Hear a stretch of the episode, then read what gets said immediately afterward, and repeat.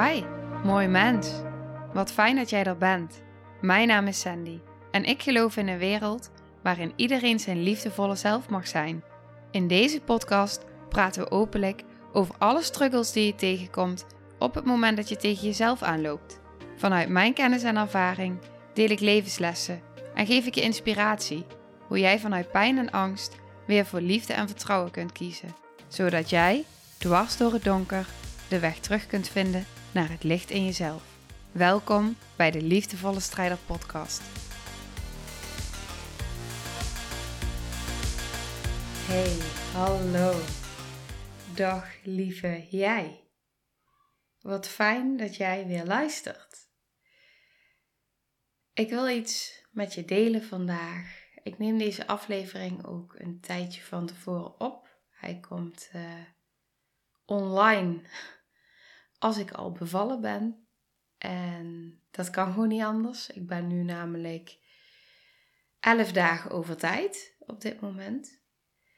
En ik heb iets met, wat ik met je wil delen, wat echt uh, precies het proces weergeeft.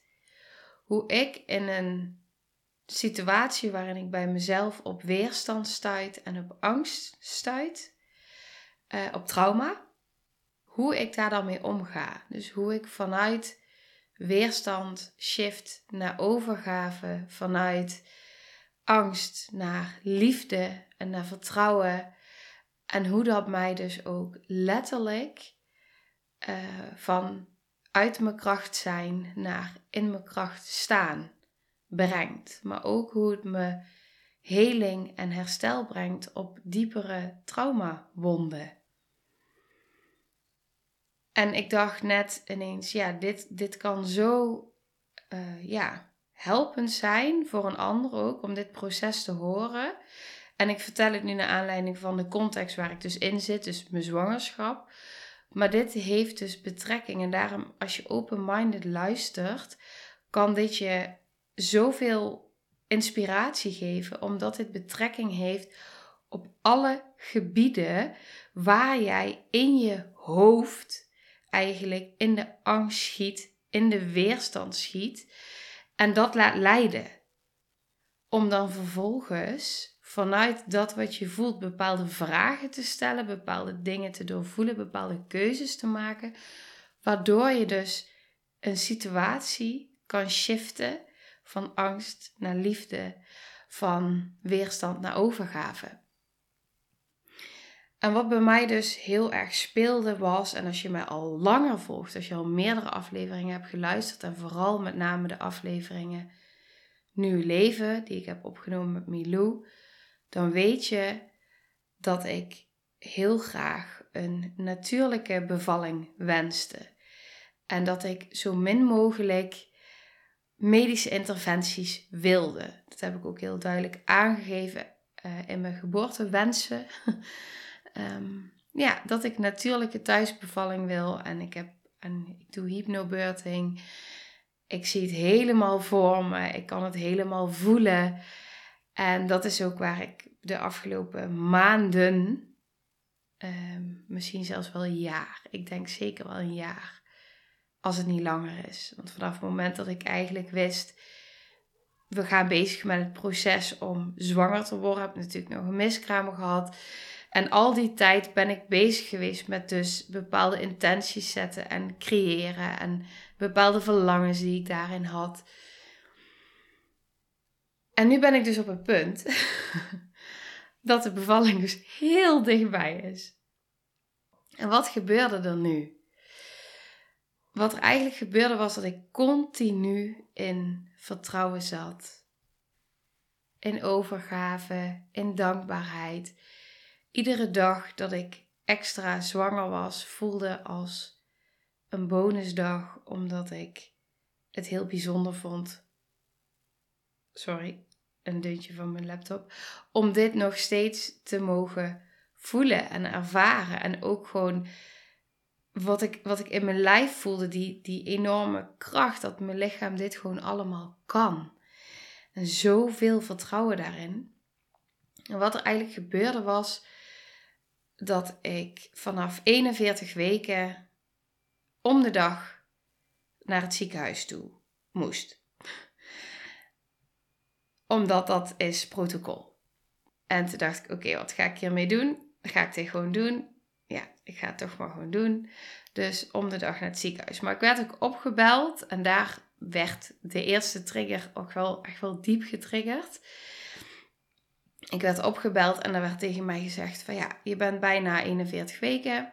Dus dan maken we een spoedafspraak en dan kom je naar het ziekenhuis. En dan leggen we je op een bed aan een ECG-scan. En dan uh, maken we een echo en vervolgens wordt er met de gynaecoloog bepaald wat het plan is. En toen dacht ik echt, uh, ho eens even, stop. Wat is een ECG-scan? Vind het wel fijn om eerst te weten wat het überhaupt is, voordat er beslist wordt dat ik daar aangelegd ga worden. Um, en voor mij bepaald wordt dat dit en dit en dit gaat gebeuren. Dus dat gaf ik ook aan. Natuurlijk met heel veel respect en, uh, en openheid en eerlijkheid. En vervolgens gaven ze ook aan van oké, weet je wat, dan verplaatsen we het. Dan krijg je eerst een gesprek met de gynaecoloog, zodat je wat meer inhoud hebt in wat het plan is. En vanuit daar dat je dan die keuze kan maken. Want ik zei ook letterlijk, eh, heb ik hier ook nog een keuze in te maken? En wat er dan eigenlijk vervolgens gebeurt, en daar was ik wel al op voorbereid, maar dat gebeurt dan toch, is dat je dan in het ziekenhuis zit en dat er dan ook wordt gezegd van nou de echo is helemaal prima en eh, je hebt voldoende vruchtwater. Het, uh, ja, alles was goed. En we zagen zelfs dat, zijn, uh, dat hij aan het oefenen was in de baarmoeder met zijn longetjes bewegen. Wat een heel goed teken is, want dan ja, voelt hij zich fijn. Dus het was allemaal supergoed. Het zag er goed uit. En toen zei mijn man Bram dan van ja, moeten we dan nog die, dat, dat hartfilmpje maken? Is dat dan nog nodig? En dan wordt gezegd, nee, ik verwacht eigenlijk dat het niet nodig is en alles ziet er goed uit. Maar stel nou dat we iets over het hoofd zien en dat er wel dadelijk iets misgaat, dan is het nu aan jullie om de keuze daarin te maken of je daarmee kan leven. Ja, het is in een iets andere context gezegd, maar daar kwam het op neer. Ja. Tuurlijk ga je dan aan die ECG-scan liggen. en dat maakt wel ehm, dat ik daarna dus ook heel erg verdrietig was en niet zo goed wist waarom in eerste instantie. En ik heb echt eigenlijk de hele avond gehuild en ik wist niet waarom. En uiteindelijk had ik ook een gesprek gehad met een, een andere verloskundige. Die, dat raadde medulla aan. Die veel langer, uh, ja, die er op een andere manier in staan. Ook wat meer op een natuurlijke manier. En die zat niet echt in de buurt. Maar ik heb hem gewoon gebeld. En ik heb er een half uur mee gebeld. En dat was heel fijn.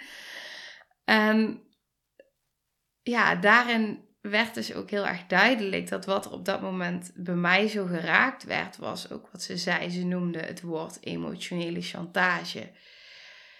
En dat is wat ik tijdens de hele zwangerschap op veel meer momenten heb ervaren. Dat, er bepaalde, dat je een bepaalde kant op wordt gestuurd, dat bepaalde dingen worden gezegd. Maar ik heb daarin heel erg kunnen vertrouwen op mijn intuïtie. Als er bepaalde dingen werden aangereikt, zoals ze wilden mijn bloed toedienen, ze wilden uh, mijn, mijn hele zwangerschap aan de antibiotica hebben. Um, nou, van alles, lang verhaal kort. Ik voelde, dit is niet nodig. Ik voelde heel sterk mijn intuïtie, mijn vertrouwen. Um, dus ik kon heel erg op dat moment bij mezelf voelen en blijven van oké, is dit voor mij? Nee, dit is niet voor mij. Met gedegen onderzoek, want het is dan wat ik dan wel doe. Maar nu nu zit ik zo ver op het einde en wordt het dus steeds meer richting die medische kant uh, ja, geduwd, zeg maar. Wat maakte dat er gewoon, ja, ook alle emoties en uh, ja, dat ik toch voelde dat ik daar dieper in getriggerd werd. En dat vond ik heel intens. Vervolgens bleek dus ook dat ik dus te horen kreeg dat ik vanaf 42 weken dat ik überhaupt niet meer thuis mag bevallen. Dat ik vanuit de verloskundige word overgedragen aan het ziekenhuis. En dat ik dus sowieso een bevalling in het ziekenhuis moet doen. Nou ja, dat was natuurlijk ook nog iets wat me heel erg raakte. En op een gegeven moment besefte ik dus, na gesproken te hebben ook met onze doula, van ja, wat zijn mijn opties? Want ik voelde weerstand. Ik voelde weerstand tegen in het ziekenhuis bevallen. Ik voelde weerstand tegen überhaupt dat me dingen werden opgelegd. Ook al is het vanuit de beste bedoelingen, want het is natuurlijk altijd in alles vanuit de beste bedoelingen, maar wel vanuit angst gebaseerd om zoveel mogelijk risico's te beperken, om zoveel mogelijk, uh, terwijl soms die risico's maar zo weinig zijn, ja, dat de vraag is, waar kies je dan voor? Waar bereid je je op voor? En is het risico wel zo groot als wordt verteld? En dat bleek tijdens mijn zwangerschap heel vaak niet zo te zijn. Waardoor ik dus andere keuzes heb kunnen maken vanuit volledig vertrouwen. Maar nu ehm, ja, werd ik dus steeds meer die medische kant opgesleurd voor mijn gevoel. En voelde het alsof ik daar in de regie zou gaan verliezen. En dat raakte me ook ontzettend erg. En ik ben toen dus heel erg gaan voelen van wat wordt hier nu de hele tijd in mij getriggerd en geraakt. En vanuit waar, welke plek maak ik die keuze? Op een gegeven moment hadden ze het dus over uh, de optie om als je gaat, uh, dat heet zeg maar, dan word je gestript. Zo heet dat. Uh, en dat is dus een ik zal het zo even uitleggen, maar dat is dus een optie waardoor het dus natuurlijk op gang kan komen zonder dat je ingeleid moet worden. Ik weet niet of je weet wat inleiden is, maar inleiden, ja, ik weet het zelf eigenlijk ook niet zo goed, maar het enige wat ik weet is dat ze de bevalling gaan opwekken. Op de niet-natuurlijke manier. En ik weet dus ook dat het strippen, zoals dat heet, dat dat dus kan bevorderen dat je op een natuurlijke manier alsnog kan bevallen maar wat ze op dat moment gaan doen, is dat ze dus ja, letterlijk je lichaam eh, binnendringen. Om met de hand jou, ja, ik hoop dat ik het goed zeg, want ik ben daar niet zo uh, in thuis.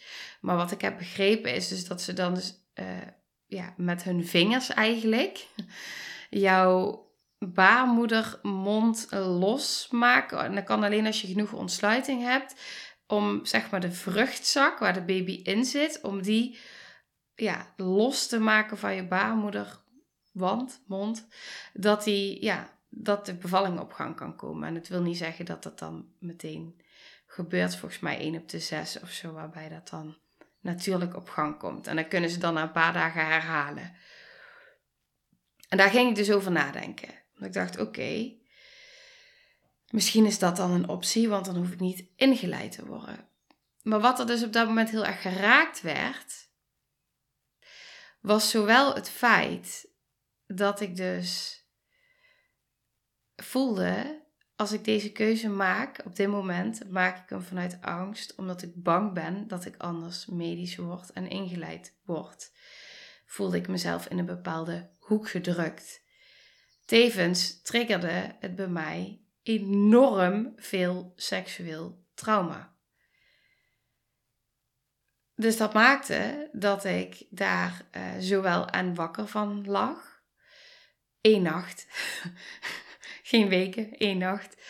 En dat ik daar dus echt wel heel erg diep in emotie geraakt werd en heb uh, doorvoeld. De volgende ochtend ging ik weer voelen bij mezelf, erover nadenken. En toen dacht ik, ik kan me richten op dat ik deze keuze maak vanuit angst. Maar wat nou als ik deze keuze ook kan maken vanuit liefde? Vanuit liefde voor mezelf en ons kindje. Want het vergroot de kans op een natuurlijke bevalling. Dat is wat ik graag wilde. Dus dan doe ik het in die zin vanuit liefde. Maar wat ik nog dieper voelde, en die kwam echt binnen toen ik daar, toen ik mezelf dus die vraag stelde: kan ik hem ook maken vanuit liefde? Toen kwam dus heel sterk binnen dat ik voelde: ik kan hem dus maken vanuit liefde, omdat ik weet dat het me ook herstel kan brengen. Want iets wat nu getriggerd wordt in seksueel trauma, dit is een hele andere situatie. Wat nou als ik kan toestaan dat ik, dat ik iemand toelaat, uh, letterlijk in mij, om, om dat te doen wat uiteindelijk dan helpend kan zijn, maar ook om daarin dus een stukje voor mezelf te helen dat, ik, dat er niet over mijn grenzen wordt gegaan. En dat ik wel de regie kan behouden. En dat ik er wel controle over kan ervaren. Dat het op mijn manier mag. En toen voelde ik heel sterk, en dat is wat ik altijd heel erg voel: het leven werkt voor je. En toen dacht ik, wat nou als dit een kans is? Als ik dit kan zien als een kans. Een kans tot heling, een kans tot een overwinning. En een kans dat dit niet voor niks nu op mijn pad komt. Dus echt dat vertrouwen van oké, dit komt nu zo. Wat nu als ik hier dus, ja, ja, als dit zo heeft moeten zijn. Dus met die gedachte ging ik naar de afspraak in het ziekenhuis. En toen hadden we die afspraak en toen bleek dus tijdens die afspraak, tijdens echo en ECG-scan, dat het vruchtwater wat was afgenomen. Het was nog prima, nog geen reden tot uh, dat het te weinig was of tot direct inleiden. Maar wel een verschil ten opzichte van anderhalve dag daarvoor. En toen voelde ik nog sterker, oké, nu weet ik zeker dat ik wil strippen. Maar daar was ik al van, uh, ja, uh, overtuigd dat ik dat toe wilde laten. Wat heel fijn was, was dat, dat zowel die verloskundige die ik s'morgens aan de telefoon had gehad, als nu die vrouw in het ziekenhuis. Wat heel fijn was. En oh ja, dat ben ik trouwens vergeten te vertellen. Wat ook nog intens was aan de ervaring van die twee dagen daarvoor, waarom ik dus ook zo geraakt was, was dat ik eigenlijk een afspraak had met een vrouw en het uiteindelijk een man bleek te zijn, een mannelijk gynaecoloog. En er was alleen maar uitwendig uh, op dat moment de echo en zo. Maar hij, wat hij deed was, hij pakte een handdoek, hij doet mijn broek naar beneden, hij legt die handdoek ertussen. En op dat moment al, überhaupt, gewoon alleen al die handeling, dissocieerde ik al en raakte ik eigenlijk al in een overlevingsstand. En mijn man zat erbij en die voelde dat meteen en die zei: Sandy, als het niet gaat of als er iets is, geef het aan. En toen kon ik me weer even terug in mijn lijf komen, focussen op de echo. Maar wat nu het ook al het verschil was met de gynaecoloog die ik nu had. Het was een vrouw en ze zei: Ik doe even een, uh, ik, ik doe even een handdoek tussen je onderbroek en, uh, om de echo te maken. Gewoon alleen al het feit dat ze het even benoemde. En dat het niet zomaar werd gedaan. Ook al is het voor sommige mensen misschien iets kleins, voor mij niet. Dus dat gaf ook al meteen weer heel veel. Ja, ze was gewoon heel lief. En dat uh, was heel helpend op dat moment voor mij. Want ik was gewoon, ik voelde me gewoon heel erg kwetsbaar. En heel erg geraakt. En toen bleek dus dat het vruchtwater dus wat minder was. En toen dacht ik, oké, ik ga dat toelaten. En op dat moment had ik dus ook zoiets van, nou, ik zou het zelfs door jou kunnen toelaten. Maar zij ging heel erg met me meedenken van, wat is voor jou nou fijn? Misschien is het fijner als het bij je eigen verloskundige is, want dan kan het uh, zowel thuis of op de praktijk, wat jij fijn vindt. Maar het is ook iemand waarvan de kans 1 op de 4 is dat ze uiteindelijk bij je bevalling is, mits je nog thuis bevalt. Dus we belden samen de verloskundige op en die zei: Ik ben op de praktijk. En ik dacht helemaal prima. Ik vind het helemaal fijn dat het ook op de praktijk is, want dan kan ik daar de ervaring hebben en dan doe ik daarna gewoon de deur dicht. En dan kan ik daarna thuis gaan voelen wat ik voel, zeg maar. En wat dus heel bijzonder was aan die ervaring. En nu komen dadelijk ook echt de inzichten. Heel lang verhaal. Maar dan heb je echt wel even de context van wat er allemaal door mij heen ging en wat er allemaal speelde en waarin ik zo geraakt werd. En op het moment dat ik dus daar binnenkwam, bij die verloskundige had haar maar één keer eerder gezien. Dus het was ook niet zo dat, ja, dat ik me meteen in die zin heel veilig kon voelen of zo. Maar ze wist dat ik het spannend vond.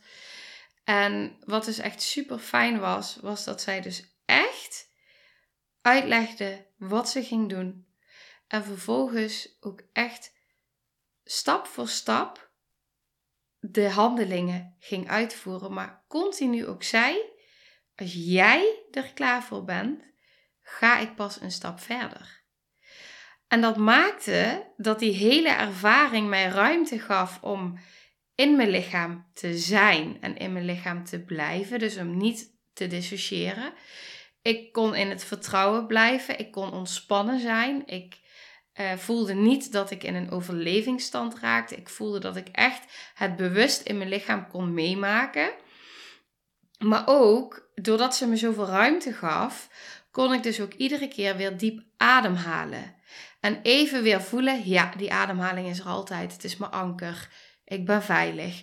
Even terug, weet je wel, in mijn lichaam zakken. Nog een laagje dieper in mijn lichaam zakken. En toelaten wat er op dat moment gebeurde. Vanuit een veilige, soort van veilige basis. In controle. Met mezelf. En dat was zo'n andere ervaring. Dat dat alleen al ja, mij, mij zo'n overwinning gaf. En zoveel kracht in mij. Dat ik dacht, ja, zie je wel. Ook al ga ik dus iets doen wat ik super intens vind. Wat ik echt mega spannend vind. Waar ik weet dat trauma op zit. Zelfs dan lukt het me dus om het toe te staan. Om vanuit liefde te, een keuze te maken uh, mezelf eraan over te geven, in het vertrouwen te stappen en letterlijk dit aan te gaan. En dat was zo helend. Echt, ja, zo bijzonder. En wat dus vervolgens gebeurde, en die vind ik ook heel belangrijk om te benoemen, merkte ik dat ik nog een stap verder kon gaan. Want we liepen de deur uit daar en het eerste wat ik tegen mijn man zei was: Je kent me toch? Je weet hoe ik ben toch? Hij zei: Ja, dat klopt. Ik zei: Het is geshift. Het is goed, het is klaar. Het maakt niet meer uit. Het maakt niet uit waar ik beval. Of ik thuis beval, of dat ik in het ziekenhuis beval, of ik ingeleid word of niet. Het is allemaal oké. Ik voelde gewoon dat mede dankzij die ervaring, maar ook vooral door wat ik van tevoren had doorvoeld, de keuzes die ik maakte, het vertrouwen waar ik in kon stapte, de keuzes die ik kon maken vanuit liefde, maar echt steeds bewust in verbinding met mezelf, al die, die, die uren zeg maar. Uh, dus vanuit een overweldigende ervaring uh, terug naar mezelf kunnen komen. Dat ik op dat moment zo sterk voelde toen ik naar buiten liep, dat ik dacht: het is allemaal oké, ik geef me over. Het is oké, want zelfs al wordt het een ervaring in het ziekenhuis en zelfs al wordt het een inleiding, dan is dat wat er mag zijn. Dan is dat blijkbaar de ervaring die ik mag hebben. En ook al heb ik het al die tijd, al die jaren, twee jaar, anderhalf jaar, weet ik het, anders bedacht en gevisualiseerd en het vertrouwen erop gezet. En ik heb gedaan wat ik kon. En het enige wat ik nu nog kan doen, is me overgeven aan dat wat is. En erop vertrouwen dat dit het juiste gaat zijn voor zowel mij als ons kindje. En wat ik ook heel sterk voelde. Ik ben uh, het boek Bestaansrecht aan het lezen van uh, Maarten Oversier. En hij is een reïncarnatietherapeut. Ik geloof in vorige levens. En ik ben me er dus wat in aan het verdiepen. En ik vind het echt mega interessant. Al die praktijkvoorbeelden die hij vertelt. Uh, alles wat hij daarachter vertelt aan ervaring. En ja, het is echt. Uh, ja, ik vind het een aanrader als je erin gelooft. Als je het interessant vindt. Dat. Een tip.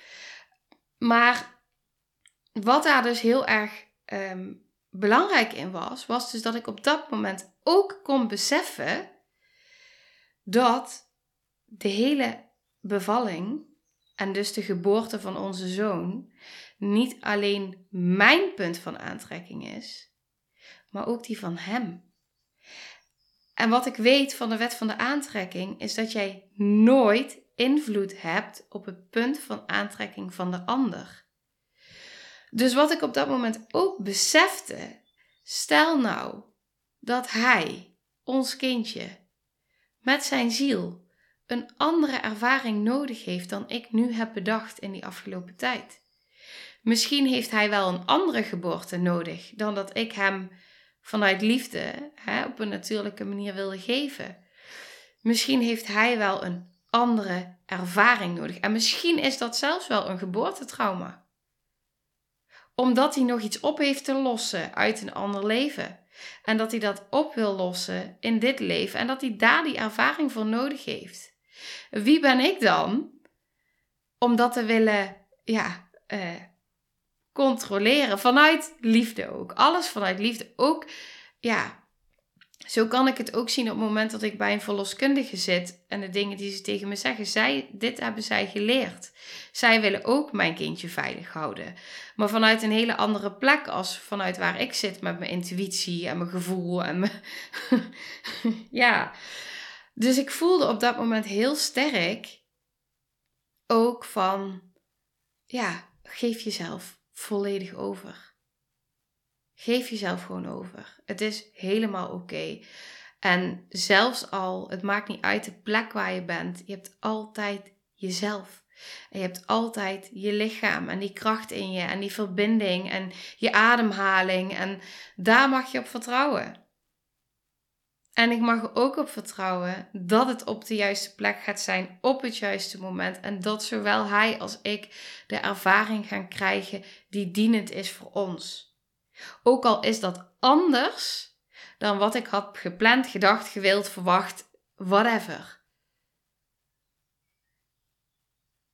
En die shift die gaf zoveel rust en vertrouwen dat ik nu denk, ja, het is sowieso goed.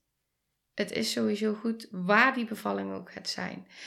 En als je dan kijkt naar het grotere geheel, naar de lijnen dus in dit voorbeeld, dit is dus waar het vaak om gaat. Op het moment dat jij voelt dat je getriggerd wordt in een trauma, of dat je voelt dat je iets heel graag op een bepaalde manier wil, vanuit de beste bedoelingen, vanuit liefde, of misschien wel vanuit angst, dat kan natuurlijk ook, dan is het op dat moment aan jou om naar binnen te keren en om jezelf de vragen te stellen van oké, maar maak ik deze keuze nu vanuit angst of vanuit liefde? Maak ik hem vanuit tekort of vanuit overvloed? Vanuit welke plek handel ik? Vanuit welke plek reageer ik? En wat zit er nou dieper in mij wat mij nu zo triggert? Voor mij was het een heel duidelijk verhaal. Ik, ik wist gewoon dat ik getriggerd werd door mijn seksueel trauma. Wat nog een, een, een, een, ja, wat gewoon een open wond was, zeg maar, die op dat moment gewoon zich heel zichtbaar maakte. En op dat moment kan ik dan denken: oké, ik blijf in de weerstand en ik wil dit niet en ik ga dit niet doen en ik raak in paniek en whatever. Of ik denk: oké, dit is een kans. Dit is een kans voor mij tot heling. Tot weer een laagje dieper om te oefenen met in dat vertrouwen te zijn en om wel een grens aan te geven. Want dat is wat er vaak bij trauma ook gebeurt. Je, je wordt overweldigd door iets wat, wat, wat ontstaat, wat gebeurt waar jij geen invloed op hebt, waar jij de regie over verliest, wat over je grens wordt gegaan. En ik geloof heel erg aan mede ook nu het weer ervaren te hebben, is dat, wat ze zei ook zelfs op dat moment dat ik daar lag, zei ze ook tegen mij van, wow, je bent echt wel ontspannen, dit zie ik echt wel vaak anders. Maar dat komt omdat ik in mezelf, ja, omdat ik het met mezelf op dat moment aan kon gaan. En misschien was het wel heel anders gelopen, was ik wel in paniek geraakt, net als toen die man die, die handdoek, zeg maar, uh, uh, ja, in mijn onderbroek deed en uh, hoppakee mijn broek wat lager trok, zeg maar. Maar dat was dus omdat ik er ook niet op voorbereid was. Het is maar een hele kleine handeling, maar voor mij niet. Voor mij was dat al een super grote trigger. En dan word je meteen hoppakee in die overlevingsstand gezet. Terwijl op het moment dat je dus wel in, in die controle kan zijn, maakt dat zo'n verschil. En ik denk dat die heel erg belangrijk is. Dat op het moment dat je dus voelt van jeetje, wat ervaar ik hier veel weerstand op dan is het niet proberen de situatie om je heen te gaan controleren. Van ik ga dit niet doen en ik wil dit niet en het moet anders. Maar dan is het echt naar binnen. Wat heb jij nu nodig? En kun je die keuze die je wil maken ook maken vanuit liefde? Kun je je gedachten daarin shiften, zodat het ook anders voelt? En kan het op een manier die voor jou werkt? Kan het op een manier die bij jou past? En kun je op dat moment zien dat het leven altijd voor je werkt? Dat het dus ook een kans kan zijn, hoe moeilijk de situatie ook is, hoe ingewikkeld je ook voelt, hoe, hoeveel angst er ook omhoog komt. Op het moment dat je kan zien op dat moment van hé, hey, maar dit, dit is, gebeurt niet voor niks. En wat nu als ik dit zie als een kans? Dan treedt die verandering op. En dat is wat ik nu dus ook weer heb ervaren. En daarom dacht ik, ja, dit is zo'n mooi voorbeeld. En ik weet nu nog steeds niet, de bevalling moet nog komen. Ik heb geen idee hoe het gaat lopen. Maar het is oké. En ik heb dat, dat verschil, dat je dat gewoon helemaal kan loslaten en kan toestaan, dat het gewoon gaat zijn zoals het hoort te zijn. Ja, dat. Dat alles is zoals het hoort te zijn. En dat soms dat betekent dat dat in het vertrouwen stappen is. Dat er dingen zijn die groter zijn dan jij. En dat je ziel misschien wel een andere bedoeling met jou heeft dan dat jij nu kan bedenken. En dat op het moment dat jij in staat bent om daarop te vertrouwen, om te vertrouwen op dat het, ja, het altijd in jouw voordeel werkt. En dat je er altijd weer iets uit kan halen voor jezelf. Op het moment dat je in dat vertrouwen kan stappen, dan geeft dat ook zoveel kracht, maar ook zoveel rust omdat je dan voelt dat het dienend voor je gaat zijn. Hoe dan ook. Op wat voor manier dan ook. En zo ga ik mijn bevalling in. Met dat gevoel. Ja. En daar wil ik mee afsluiten. Dus ik. Um, ja, ik hoop dat je dit kan toepassen op misschien een situatie die je zelf ervaart in je leven. Of misschien gaat er nog een keer een situatie komen dat je dan denkt: hé, hey, ik kan er ook anders naar kijken. En me er dus ook anders over voelen. Misschien kan ik er wel andere keuzes in maken. Die wel goed voelen voor mij en passen bij mij. En zodat ik de regie kan behouden. En iets wat ik mega spannend vind en mega eng toch kan shiften en kan helen. Zodat ik daarin groei. En ja, weer iets in mezelf mag ontdekken en verbinden. Nou, heel veel liefde. Daarmee sluit ik af.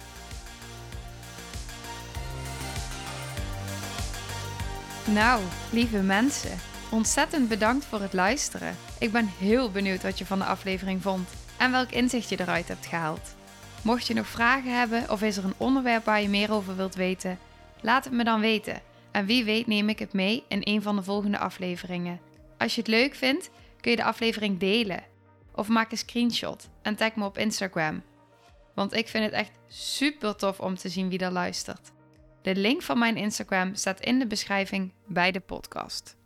En wil je blijvend geïnspireerd worden? Klik dan op abonneer of volgen in de podcast-app waarmee je luistert. Dat zouden ik en alle toekomstige luisteraars enorm waarderen, want dat zorgt er namelijk voor dat de podcast beter gevonden wordt.